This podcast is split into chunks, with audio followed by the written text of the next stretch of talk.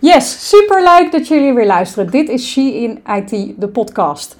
Uh, vandaag heb ik een uh, superleuke gast bij mij. Uh, dat is Josien. En we gaan het vandaag hebben over wat vrouwen nou tegenhoudt om het maximale uit zichzelf te halen. En dit is de eerste keer dat ik iemand in de podcast heb uitgenodigd. Dus ik ben hier echt super enthousiast over. ik ken Josien natuurlijk al wat langer. Maar Josien, superleuk dat jij er bent. En misschien wil je jezelf even kort voorstellen en vertellen wat je doet. Ja, dankjewel voor deze mooie intro. Ik ben Josien Hannema van Sense and Sensitivity en ik begeleid uh, vrouwelijke ondernemers uh, vooral naar meer rust en zelfvertrouwen, zodat ze weer meer vanuit plezier kunnen ondernemen en ook uh, succesvoller kunnen zijn omdat ze daarin geen belemmeringen meer ervaren. Ja, en ik denk dat dat, uh, voor mij is dit natuurlijk één groot feest der herkenning, wat je zegt. En ik ben echt super benieuwd, want uh, je doet eigenlijk al een heel mooi schot voor de boeg. Maar als je nou zegt de belemmeringen die, die vrouwen ervaren, wat zijn nou de meest voorkomende belemmeringen eigenlijk die je tegenkomt? Als ik kijk naar de vrouwen die bij mij komen, hè, of die naar mij uitreiken, zijn dat eigenlijk met name vrouwen die de grootste bottleneck is onzekerheid over zichzelf, over haar capaciteiten, over of ze het wel of niet waar kan maken. Het welbekende imposter syndroom, wat heel vaak voorbij komt. Um, wat eigenlijk voortkomt uit toch ook wel heel vaak jezelf onderschatten. Hey, en als je zegt jezelf onderschatten, waar, waar denk je dat dat vandaan komt bij veel vrouwen?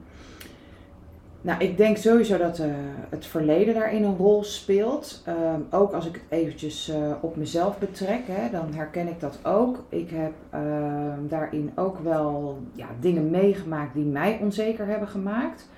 Um, en eh, bijvoorbeeld dat er ooit eens een meester of juf heeft gezegd: Jij bent niet zo goed in rekenen, heb ik dat maar altijd met me meegenomen. En ik denk dat dat vaker gebeurt dat alles wat jij uh, van je ouders meekrijgt of van andere mensen uit je nabije omgeving, dat dat je onzekerder kan maken, waardoor je anders over jezelf gaat denken.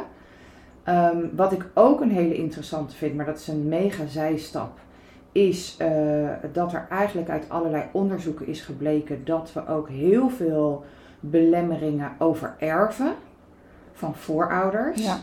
En het is natuurlijk nog niet zo heel veel generaties terug dat we de underdog waren. Dat we niet mochten werken als we gingen trouwen. Dat we uh, niet mochten stemmen.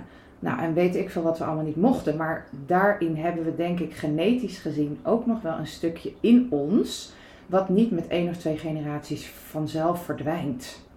Ik, dat vind ik eigenlijk wel heel interessant wat je zegt. Ik geloof daar namelijk ook in. En als ik kijk naar mijn eigen verleden, of eigenlijk mijn eigen gezin, familie waar ik vandaan kom. Uh, bij ons in de familie was altijd heel veel angst. Dus mensen vonden het, mijn, mijn overgrootoma vond het bijvoorbeeld heel eng om naar buiten te gaan. Want naar buiten daar had je mensen die, die niet goed waren of die slecht waren of kwade dingen deden. En ik merk wel dat dat, en ik weet niet of dat bewust of onbewust is, maar dat gaat echt wel van generatie op generatie mee. En misschien zit dat ook in bepaalde elementen van de opvoeding. Uh, maar ik weet ook dat als ik bijvoorbeeld kijk naar mijn moeder, uh, die heeft ook heel vaak de neiging om dan te zeggen: Oh, pas je wel op. Oh, kijk je wel uit. Oh, doe je wel voorzichtig. Uh, oh, laat Benjamin niet zonder jas naar buiten gaan, want dan wordt hij ziek. Oh, wat kan er allemaal wel niet gebeuren? en ik, ik geloof daar echt wel in dat dat inderdaad van generatie op generatie meegaat. En dat een stukje daarvan eigenlijk al meegaat vanaf het moment dat je nou, in de buik zit, dat je nog in de maak bent. Ja, dat geloof ik ook. Plus inderdaad de voorbeelden die jij zegt, hè, van wat jij dus al die tijd te horen hebt gekregen, van kijk uit, doe voorzichtig. Dat is ook je programmering geworden. Ja. En ik geloof ook dat je los van wat overerfd wordt, je het ook ziet. je ziet je moeder bijvoorbeeld op een bepaalde manier angstig zijn. Of wat je ook weer, denk ik, overneemt. Want ik denk als kind staan we natuurlijk nog mega open. Hè? Die eerste zeven jaar staan we gewoon helemaal open. Hebben we geen filters. Alles wat we zien nemen we voor waarheid aan. Dus dat kan natuurlijk ook een signaal zijn als kind van oh, het is hier gevaarlijk. Ik moet voorzichtig zijn. Dus in die zin denk ik dat het uh, heel veel rollen speelt. Maar ik vond die, eigenlijk die wetenschappelijke resultaten van die, dat, dat, de epigenetica, hè, dat overerven van uh, ook trauma's, uh, emoties, stress, wordt gewoon allemaal overerfd. Uh, ja, ik vind dat wel heel interessant. En dan denk ik, laten we daar wat aan doen. Want het is toch super zonde om ja, hier nog heel lang mee rond te lopen. Of dus eigenlijk het gevolg, wat ik daar dus in zie, dat vrouwen zich kleiner houden dan nodig is. Dat ze bang zijn om een kop boven het maaiveld uit te steken. Uh, ja, dat ze zich inhouden terwijl ze gewoon mega veel potentie in zich hebben. Ja, ja, dat is echt wat dat betreft super herkenbaar ook voor mij. Want ik hoor dat zeker ook heel veel van de vrouwen met wie ik werk. Dat ze het dan toch lastig vinden om zichzelf te profileren of hun mening te delen in, in vergaderingen. Dat ze het idee hebben, oh ik ben niet goed genoeg. Of is mijn mening dan eigenlijk wel relevant? Telt dat wel mee? En um, ik, ik herken ook dat gevoel wat je zegt, het is gewoon rete zonde. Want dan denk ik, weet je, iedere mening is relevant. En juist ook Weet je, mensen die, die buiten de gebaande paden denken, hebben enorm veel waardevolle input voor bedrijven. Wat gewoon heel erg belangrijk is voor bedrijven om echt nou ja, diverse teams te bouwen, maar ook om maximaal gebruik te maken van mensen en van hun unieke skills. Dus ik denk dat dat gewoon super belangrijk is. En uh, ik ben heel benieuwd, want je zegt hè, die, die uh, belemmerende overtuigingen. Uh, ik heb heel erg de stelling, je, je kan je eigen verhaal schrijven. Weet je, uiteindelijk, we, we hebben een bepaalde controle over wat we denken, over wat we doen. Hoe, hoe kijk jij daar tegenaan? Wat is jouw advies daarin richting vrouwen? Nou, ik ben het daar helemaal mee eens. en dat is ook mijn eigen ervaring geweest. Hè, dat ik uh, heel lang onzeker ben geweest en aan mezelf heb getwijfeld en aan mijn capaciteiten. En ik ben gewoon heel blij dat ik die cirkel ook heb door kunnen knippen, als het ware, door mijn programmering aan te passen. En um, wat ik daar ook wel een hele interessante aan vind, wat ik lange tijd niet heb geweten, is dat je brein niet weet wat wel en niet waar is. Dus eigenlijk betekent dat dat je carte blanche hebt in wat je kiest. Kies je in het belemmerende verhaal en dat voor te zetten, of kies je voor een ander verhaal? Nou, en ik denk ook dat daarom de wereld van visualiseren en de wet van de aantrekkingskracht en al dat soort nu natuurlijk ook aan populariteit winnen. Maar ik geloof er ook in dat je zelf een ander verhaal kunt kiezen en, en dat tegen jezelf zegt. En jezelf dus op die manier een andere programmering meegeeft. Je hoeft niet gebukt te gaan onder je opvoeding. En dat is ook wel waar ik zelf uh, lange tijd voor gestreden heb. Van nee, ik wil dat niet. En, en wat er ook tegen mij is gezegd, bij wijze van. Uh, als ik dat niet wil, dan, uh, dan verander ik dat. Door er anders naar te kijken. En daar zit de ja. winst. En ik denk dat dat ook heel krachtig is. Hè? Want hoe vaak niet verschuilen mensen zich nog achter... ja, maar ik, ik kan dat niet of ik, hè, ik ben, ben niet uh, in staat om te veranderen... of dat is nou eenmaal met mij gebeurd. En ik denk dat mensen ook nog heel vaak in die slachtofferrol gaan zitten... en het gewoon heel moeilijk vinden om echt die regie te pakken over hun eigen leven... en dat op, op hun eigen manier vorm te geven. En je triggert mij, want um, uh, ik weet, je hebt natuurlijk uh, een tijd geleden... voordat jij het werk deed wat je nu doet... heb jij zelf ook echt een flinke stap gemaakt... en eigenlijk een hele transformatie Dus ik ben eigenlijk wel heel benieuwd of je daar iets over wil delen met ons. Of je daar iets over wil vertellen over wat je gedaan hebt en wat voor impact dat voor jou gehad heeft. Ja, ja absoluut. Um, als ik kijk naar, nou zeg maar even voor mijn transformatie, dat is nu uh, eh, 4,5 jaar geleden dat ik uh, zelf tegen de oplossing aanliep, wat voor mij de oplossing was.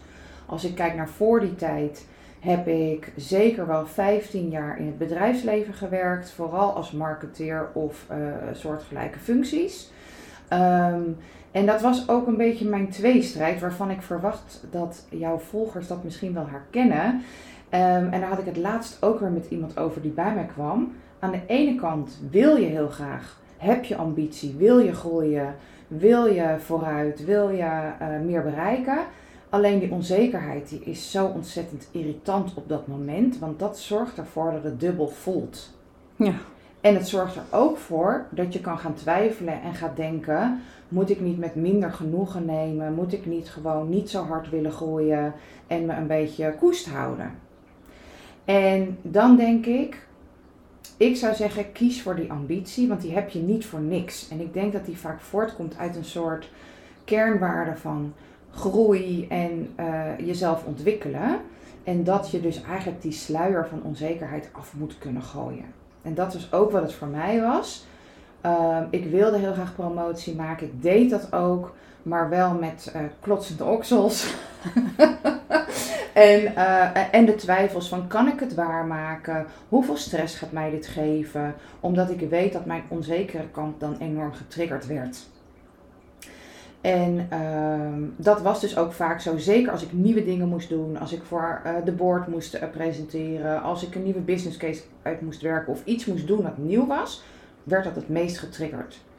En dan was ik iedere keer weer verbaasd als ik een heel positief feedback kreeg of het eigenlijk hartstikke goed had gedaan. Ja, merkte je dan ook dat je dat een soort van niet kon, kon incasseren als het ware? Dat je dat niet kon aannemen? Absoluut. Ja, plus uh, ook al heb ik heel vaak dus die bevestiging gehad of die feedback gehad die goed was, het hielp niet. De keer daarna was ik weer onzeker. En dacht ik, ja, doe ik het nu wel weer goed? Hè? Dus, dus daar zit ook een soort discrepantie van het zelf goed in kunnen schatten op welk niveau jij presteert. Of hoe goed je eigenlijk, dat bedoel ik ook eigenlijk helemaal met het onderschatten. Dat we onszelf dus mega onderschatten. En bijna verbaasd zijn als ze het supergoed hebben gedaan. Ja, ik vind dat wel heel mooi wat je zegt. Want ik denk namelijk ook dat dit een heel groot deel is waarom vrouwen een stuk minder goed vaak voor, voor zichzelf onderhandelen. Ja. Weet je, veel vrouwen hebben gewoon moeite om voor zichzelf te vragen wat ze waard zijn. En wat ze eigenlijk horen te verdienen of horen te krijgen. Klopt. Ja, klopt. Ik, uh, ik, ik denk ook, nou, dat hele stukje van dat onderschatten, dat dat heel veel voorkomt en dat het hier een soort link mee heeft. Dus ja, ik, ik uh, snap helemaal wat je daarmee bedoelt. En ik denk ook dat dat een van de gevolgen is. Plus, wat volgens mij ook heel veel voorkomt, is dat als vrouw gaat reageren op een vacature en ze heeft niet 100% vinkjes bij de eisen, dat ze het niet doet. Nee, dat gaat ze niet. Nee. En een man wel. Ja, nou ja, dat is echt, dat zie ik ook. Weet je, mannen, en ik generaliseer een beetje, hè, dus ik bedoel, ga ik me niet verkeerd. Dat betekent niet dat alle mannen of alle vrouwen op dezelfde manier natuurlijk werken. Maar wat je gewoon vaak ziet, is inderdaad mannen die denken, nou, uh, weet je, flip it, ik uh, kan dit wel. En uh, als ik het nu nog niet kan, dan leer ik dat wel. Dan zorg ik er wel voor dat ik dat straks kan, dan groei ik daarin. En ik denk dat heel veel vrouwen dan toch denken, nou, ik ben gewoon nog niet gekwalificeerd genoeg, dus laat ik het maar niet doen. Ja. En uh, overigens ook een heel interessant onderwerp, want ik denk dat dat echt de eeuwige drang naar perfectie is. Dat we denken, het moet 100% klaar zijn, 100% goed zijn, anders doe ik het maar niet. Ja. Uh, en ik ben heel benieuwd, want jij hebt natuurlijk op een gegeven moment voor jezelf besloten: ik ga de knop omzetten. Ja. Ik ga losbreken uit wat mij nu klein houdt. Ja. En jij bent toen uh, Creatrix gaan doen. Ja, klopt. En dat is nu ook het fundament van, van wat je doet. En ik ben eigenlijk heel benieuwd of je daar iets meer over kan vertellen. Ja, absoluut. Nou ja, eigenlijk dus hè, wetende van hoe ik me toen voelde, hè, dat hele onzekere stuk. Um, uiteindelijk uh, heb ik daar meerdere dingen voor gedaan om daar verbetering in te krijgen. Uh, maar dat hielp niet echt. Dus denk aan uh, gesprekken bij een psycholoog. Denk aan assertiviteitstraining, EMDR. Nou, verzin het. En toen liep ik inderdaad tegen Creatrix aan. Dat één op één, soort één op één begeleidingstraject om eigenlijk van je beren op de weg af te komen. Dus ik ben tot op de dag van vandaag super blij dat ik dat ben gaan doen. Want eigenlijk wat ik daarin heb kunnen doen, en dat is ook wat Creatix doet, is de emoties en de belemmerende overtuigingen die je hebt, echt te kunnen herprogrammeren. En dan moet je inderdaad denken aan emoties als bijvoorbeeld onzeker, verdrietig, machteloosheid. Want dat komt er ook heel vaak bij kijken als we ons niet serieus genomen voelen of niet gezien voelen. dat hele stuk kan je eigenlijk alle emoties in aanpakken die je ervaart als belemmerend. Plus alle overtuigingen die we hebben.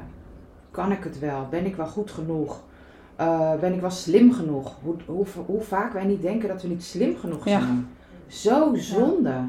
Maar ik weet hoe het is, want ik heb hem ook uh, eh, 38 jaar met me meegedragen. Hij heeft echt impact gehad. En het is maar één overtuiging. Nou, en zo ben ik dus in dat traject eigenlijk al die overtuigingen gaan aanpakken. Nou, als je naar Creatix kijkt, is dat eigenlijk een hele geavanceerde vorm van visualisatie, waardoor je al je belemmerende overtuigingen kunt herprogrammeren naar helpende overtuigingen. Dus bijvoorbeeld, ik ben niet goed genoeg veranderd in, ik ben gewoon helemaal goed zoals ik ben. En als je dat vanuit je tenen kunt gaan voelen en geloven, omdat je hem helemaal hebt kunnen herprogrammeren, heeft dat effect op hoe je voelt en hoe je naar jezelf kijkt. En dat heeft voor mij mega veel verschil gemaakt, want ik durfde nooit voor mezelf te beginnen. Want ik was onzeker, dus ik wilde elke vorm van zekerheid in mijn leven proberen te pakken. Zoals een vaste baan en een vast inkomen. Uh, het perfectionisme wat jij net noemt, was bij mij een heel erg opvallend gevolg van mijn onzekerheid. Dat was gewoon compenseren. En niet geraakt willen worden in mijn onzekerheid. Want als ik het perfect deed, had ik de illusie dat ik geen kritiek kon krijgen. Want dat deed zeer, want dan was er weer bewijs dat ik niet goed genoeg was. Nou, en op het moment dat ik die dus eigenlijk allemaal heb aan kunnen pakken, ja, hebben, zijn die gevolgen ook verdwenen. Ik ben voor mezelf durven te beginnen. Uh, ik heb dat perfectionisme losgelaten. Waarbij niet zegt dat ik niet voor kwaliteit sta. Dus absoluut, ik zal nooit de kantjes eraf lopen. Maar tot half elf s'avonds de kranen poetsen omdat alles continu perfect moet zijn, doe ik ook niet meer. nou, ik, dat is ook een beetje, denk ik, soms zo moeilijk we het voor onszelf maken. Want ik zeg altijd, weet je, 80% voor ons, voor jou en voor mij, is 120% voor iemand anders. En uiteindelijk denk ik, ja, weet je, die, die definitie van perfectie bepalen we zelf, hè? Ja, klopt. Weet je, dat is maar net hoe hoog je die lat voor jezelf legt. Ja. En ik geloof ook als je dat los kan laten, ehm, weet je, dat, daar begint eigenlijk de echte magie pas. En ik weet dat ik toen ik begon met podcasten, vond ik dat ook best wel lastig. Uh, niet dat ik nou al tientallen afleveringen onderweg ben. Ik voel mezelf nog steeds beginnend. Maar ik dacht, oh, ik kan dat pas gaan doen als het perfect is. En wel leuk voor jullie, uh, voor jullie als jullie luisteren. Uh, Josien heeft mij het laatste schopje gegeven om te gaan podcasten en gewoon te gaan doen. Um, weet je, dus ik, ik zie ook echt dat dat wel een enorm verschil kan maken. En um, weet je waar ik met name ook benieuwd naar ben? Um, weet je, wat maakt Creatrix nou zo uniek? Wat maakt het nu zo anders dan andere, uh, ik wou zeggen methodologieën, maar andere aanpakken of ja, andere zo kan je noemen. Ja, nou wat, sowieso wat er heel anders aan is en waar ik dus ook echt de kracht in zie, is dat het specifiek voor het vrouwenbrein is ontwikkeld. En in deze mannenwereld is dat wel uh, uh, ja, een welkome afwisseling. Waar je eigenlijk uh, al het andere wat er is, dus bijvoorbeeld psychologie, hypnose, EMDR, NLP, is allemaal door mannen ontwikkeld. Superleuk, maar je kan je afvragen hoe goed dat matcht op een vrouwenbrein. En ik geloof dat als je als vrouw de juiste oplossing krijgt, dat verandering en het loskomen van je belemmeringen helemaal niet een jarenlange uh, moeilijke uh, stuk hoeft te zijn. En dat is wel wat we geleerd hebben. Hè? Als we willen veranderen, als we van onze oude belemmeringen af willen, of oud verdriet, of wat dan ook, dan moeten we daar heel hard voor werken. Dat duurt heel lang en dat kost bloed, zweet en tranen. Nou, als je kijkt naar Creatrix, is dat dus niet waar. Ja, want hoe lang jouw trajecten zijn niet enorm lang, hè? Klopt. Ik was zelf na zes weken dat ik tot de, eigenlijk besloten heb om voor mezelf te beginnen en dus zelf ook die opleiding te gaan doen, om daar zelf mee te kunnen gaan werken. Um, maar gemiddeld, een gemiddeld traject bestaat bij mij uit uh, ja, zes sessies. Niet iedereen wil het in zes weken. Sommigen willen iets meer weken ertussen op het, op het einde. Maar ja, twee, drie maanden ben je gewoon klaar. Ja. Dan heb je het gewoon veranderd. En ook nog eens op een blijvende manier. Ja, en ik moet, dat wil ik er echt wel echt bij zeggen, want ik ken Josien wat langer. Uh, en ik zie echt wel een verschil ook bij jou, zeg maar, van voor je traject en, en hoe, je, hoe je nu bent als persoon. Ja. Hoe ik jou nu meemaak. En laat ik vooropstellen, dat betekent natuurlijk echt niet dat we, dat we nu allemaal perfect zijn. En ik bedoel, er zijn ook echt nog wel momenten misschien dat jij af en toe denkt... Uh, Absoluut, nou, even... ik ben nog steeds een mens. ja, dat je toch nog misschien even wat van, dat, ja, van die oude gewoontes of dat oude zeer voelt bovenkomen. Maar ik denk wel door, door die bewustwording dat je daar wellicht veel beter mee om kan gaan. Ja. Nou, ik moet zeggen, wat uh, uh, enorm helpt met Creatrix is dat je triggers worden dus ook veel zachter. Dus daarom doe ik ook nog steeds Creatrix als ik nu een trigger heb. Um, en dat is gewoon heel fijn om te weten. Dat ik denk dat we allemaal wel eens een moment in ons leven hebben of een trigger in ons leven hebben die ons best wel ondersteboven gooit. Hè? Dat we echt van de leg raken, zeg maar. Hoe fijn is het dan om dat in te kunnen zetten? Dus dat heb ik zelf ook op de momenten nu dat ik denk van holy moly, wat moet ik hier nu mee? Dat ik dat kan inzetten. Ja. En uh, dat vind ik een opvallende bij vrouwen. We worden denk ik heel erg gestuurd, gewoon door hoe we in elkaar zitten, door emoties en de lading van emoties. En bijvoorbeeld ook de lading, de emotionele lading van oud zeer. De emotionele lading die komt bij niet goed genoeg voelen. Of falen. Of nou, ieder zijn andere woorden ervoor. En op het moment dat je die emotionele lading vermindert, stuurt dat ook niet meer zo je gevoel en je gedrag. En dan wordt die weg veel vrijer om je gedrag anders te gaan doen. Je krijgt daar een bepaalde vorm van controle over, Juist, is mijn je ervaring. krijgt regie. Ja, Klopt. je, dat je gewoon een stuk bewuster bent van oké, wat gebeurt er nu? Wat gebeurt er met mij? Waarom voel ik wat ik nu voel? Ja. Waarom denk ik nu wat ik denk?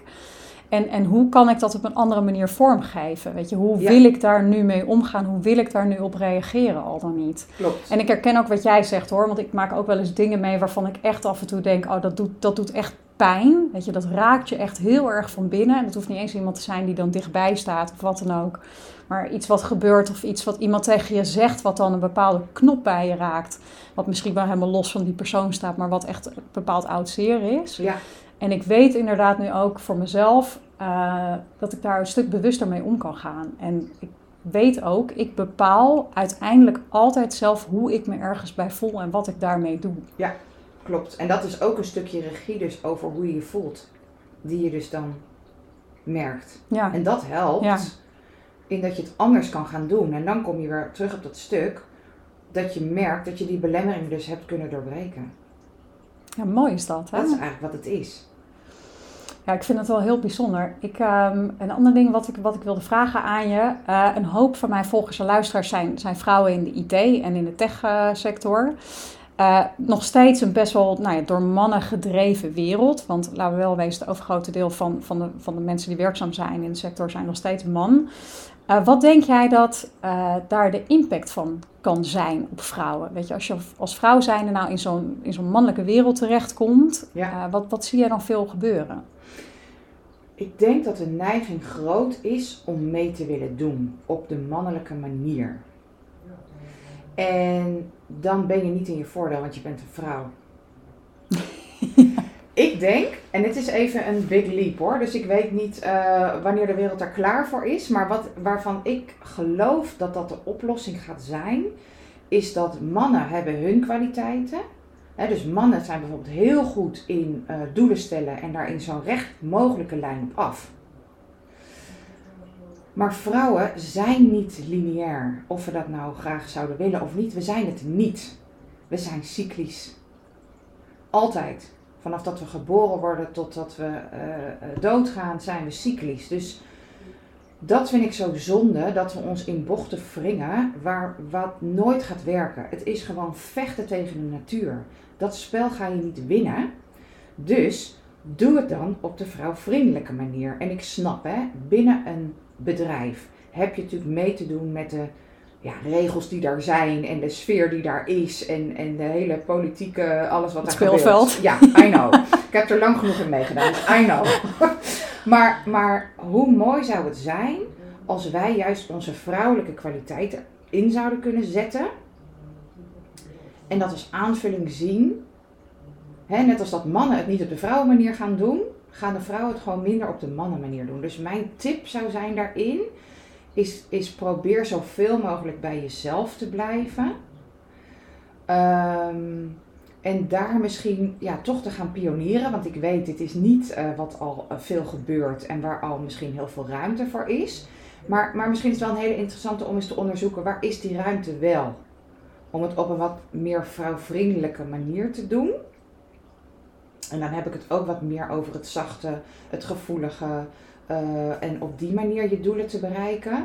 Kijk, als je kijkt naar eh, eh, de fases waar wij een beetje doorheen gaan elke maand, is er ook gewoon een mega daadkrachtige fase. Dus daar kunnen we gewoon ook knallen.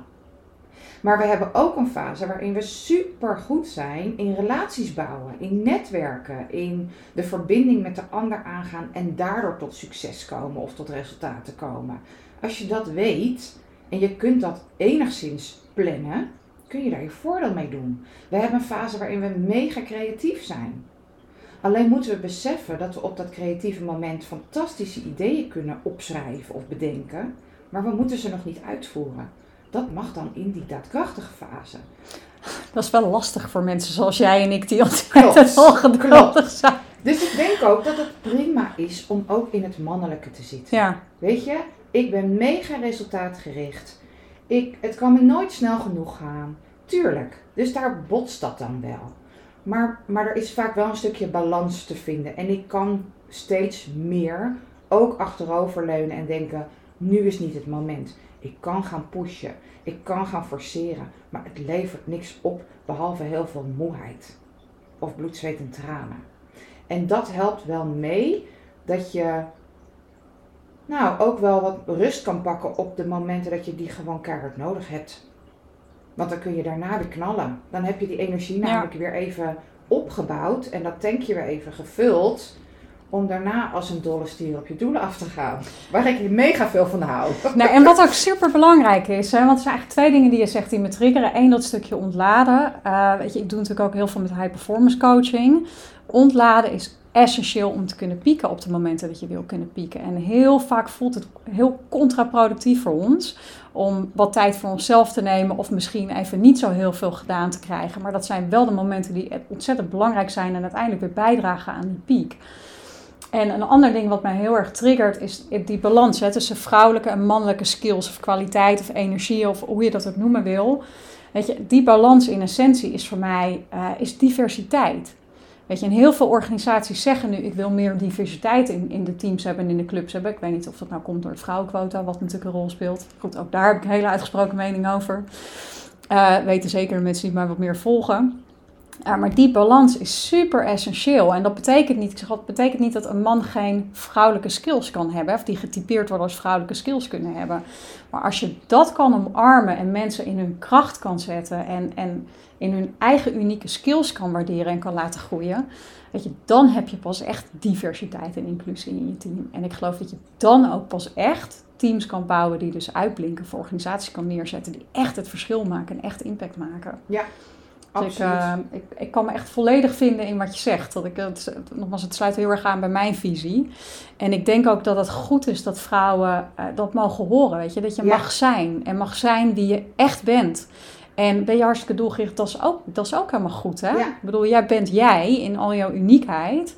En als je in die kracht kan gaan staan, ik denk dat dan, ja, dan echt de magie begint voor jezelf. Ja, en dat is ook logisch, want dan ben je vooral jezelf. Ja.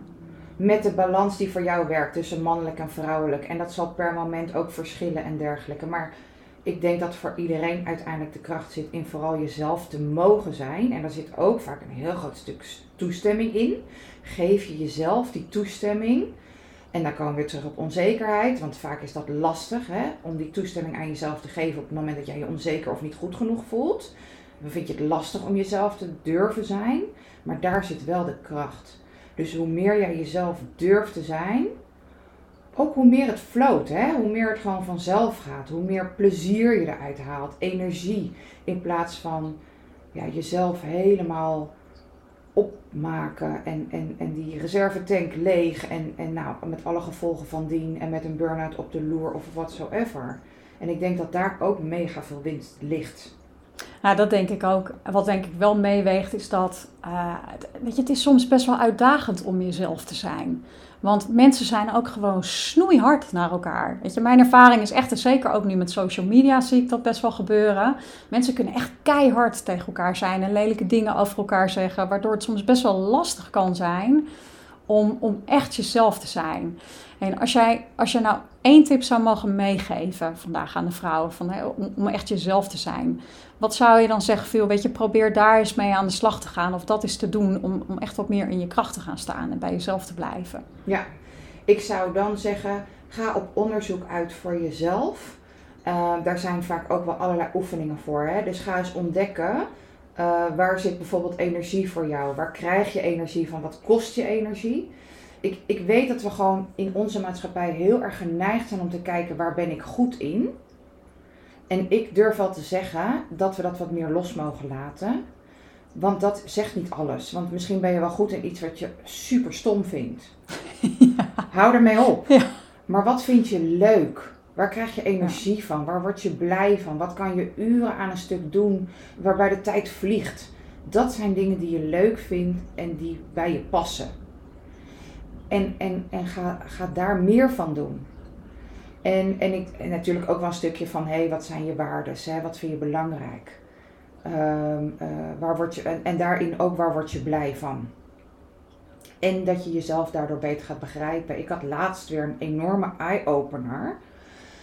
Dat ik daar niet eerder op ben gekomen. Maar toen ontdekte ik dat groei eigenlijk nou, misschien wel mijn belangrijkste kernwaarde is. Waardoor ik nu begrijp, waardoor ik het lastig vind om gas terug te nemen. Waardoor ik het lastig vind om een heel weekend niks te doen en niet nuttig bezig te zijn. Bloedirritant, maar ik begrijp het nu wel. En dat helpt ook, want dan heb je wat meer begrip voor jezelf. Van waarom doe ik wat ik doe? Waarom ben ik wie ik ben? En dat dat gewoon goed is. En hoe vind je daar dan die rust in? Want ik, dit is voor mij het feest der herkenning. dus ik ben heel benieuwd hoe jij nou daar de rust dan in vindt. Uh, mezelf dwingen het uh, regelmatig te doen. En, um, en het dus ook echt te gaan doen. Want ik kan dan inderdaad geneigd zijn van, ook in het weekend, bijvoorbeeld te denken, nou, wat is nu het beste wat ik kan doen? in plaats van, wat is het meest ontspannende om nu te doen? Um, en, maar dan ga ik toch denken van, hé, hey, wat is echt lekker ontspannend? Is dat een boek lezen of is dat even, weet ik veel, door, door het bos wandelen, muziek luisteren, maakt niet uit, hè? En het dan toch gewoon te doen. En ja, dan voel ik ergens een kriebel van, is dit nou nuttig? Moet ik dit wel doen? Hoeveel tijd ga ik hier aan besteden? Maar ik doe het wel, want, en daarin merk ik ook verschil. Dat het ene weekend makkelijker lukt dan het andere weekend. Dus dat heeft ook weer te maken met mijn staat van zijn per week. En ik denk een belangrijke is ook wel daarin, een soort van extra aanvulling. Balans bestaat niet. Work-life balance bestaat niet. De ene week vraagt werk wat meer, de andere week kun je wat meer ontspannen. Uh, let alleen goed op jezelf dat de wijzer niet uitslaat naar altijd maar gaan, gaan, gaan. Dus dat je echt jezelf helemaal uitput.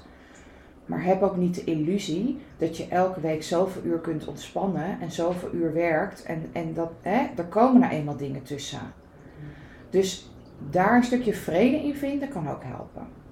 Ja, ik denk dat dat een hele mooie is. Want ik, ik zeg ook al, de perfecte balans bestaat sowieso niet. Hè? Want balans voor mij is weer iets anders dan balans voor jou. En dat is voor iedereen gewoon heel erg verschillend. En uh, ik merk dat, dat, maar dat is weer een heel, heel ander verhaal. Daar moeten we misschien nog een keer een podcast over opnemen. Maar als je kinderen hebt, hè, heeft ook twee kinderen.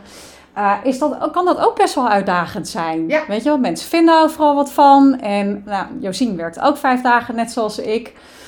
Uh, en daar zijn soms de meningen natuurlijk ook niet altijd even mild over. Maar voor ons werkt dat. En ik denk dat dat het aller, allerbelangrijkste is. Dat je gewoon kiest voor wat jij gelukkig, waar jij gelukkig van wordt. Wat jou happy maakt. Um, en weet je, ik zeg altijd, je bepaalt je eigen regels. Juist. En ik weet gewoon, doordat ik uh, dit doe, ben ik ook een betere mama. Ja, en, absoluut. weet je, ben ik gewoon een leuker mens. En ik denk dat dat het aller, allerbelangrijkste is. En misschien is het ook gewoon goed om een gezonde doos op maling te hebben aan wat anderen ergens van vinden. Want het is toch nooit goed genoeg voor iedereen. Klopt. Omdat iedereen een andere mening heeft. Een ja. ander referentiekader. En dat is natuurlijk ook gewoon perfectly fine. Cool. Ik um, zit even te denken, want ik ben een beetje door mijn vragen heen, Josien. Dus ik weet niet of er nog iets is wat jij graag nog zou willen zeggen of zou willen meegeven. Nou, wat ik in ieder geval wil meegeven, even ter aanvulling op dit, is je weet het eigenlijk zelf het beste. Dus dat helpt vaak ook om niet geneigd te zijn naar wat vindt een ander ervan, want je weet het zelf toch het beste. Um, dus luister naar jezelf, want alleen jij kan het weten. En dat geldt eigenlijk in alle opzichten in je leven. Jij als moeder weet ook het beste wat het beste is voor jou en dus ook om de beste moeder te zijn. Dat je gewoon helemaal lekker in je vel zit. Hoe het, ja, zo eigenlijk van vooral jezelf zijn, hè, waar we het ook al even over hadden. Dat, je, dat dat helpt, door dat ook te durven zijn. Dus uh, ja, ga aan de slag met die belemmeringen, zodat die in ieder geval geen, niet meer het beeld vertroebelen in wie je bent en wie je wilt zijn. Ja, dat vind ik ook een mooi, wie je wilt zijn. Want uiteindelijk schrijf je altijd je eigen je verhaal. nieuwe verhaal. Ja, ja. ja heel mooi. hey Josien, als mensen jou willen volgen, waar kunnen ze jou dan vinden? Nou, ze kunnen me sowieso googlen op Josien Hannema. Uh, dan kan je mij zeker weten vinden. Op Instagram kan je me volgen. Uh, dat is Josien en dan underscore sense and sensitivity. Uh, het voordeel is als je op Josien zoekt dat je waarschijnlijk niet mega veel opties krijgt. Dus dan zul je hem wel vinden. En Josien met een S trouwens. Ja, J-O-S-I-E-N. Klopt. Uh, op LinkedIn uh, kan iedereen mij volgen. Ook onder Josien Hannema deel ik een hoop. Dat is even het belangrijkste, denk ik. Nou, superleuk. Ik vond het echt waanzinnig leuk dat jij mijn eerste interviewgast wilde zijn. Dus heel fijn dat je dat wilde doen voor me. Dankjewel. Um, nou, mensen, dit, dit was hem weer. Hij zit er weer op. Um, ik vond het super leuk dat jullie weer geluisterd hebben. Jullie kunnen me uiteraard volgen op LinkedIn. Mochten jullie inspiratie hebben voor leuke onderwerpen of zeggen, goh, daar hoor of lees ik graag wat meer over, laat het me vooral weten. Ik waardeer jullie feedback enorm en ik probeer het ook altijd mee te nemen in mijn content. Dus laat het vooral weten. En tot de volgende keer.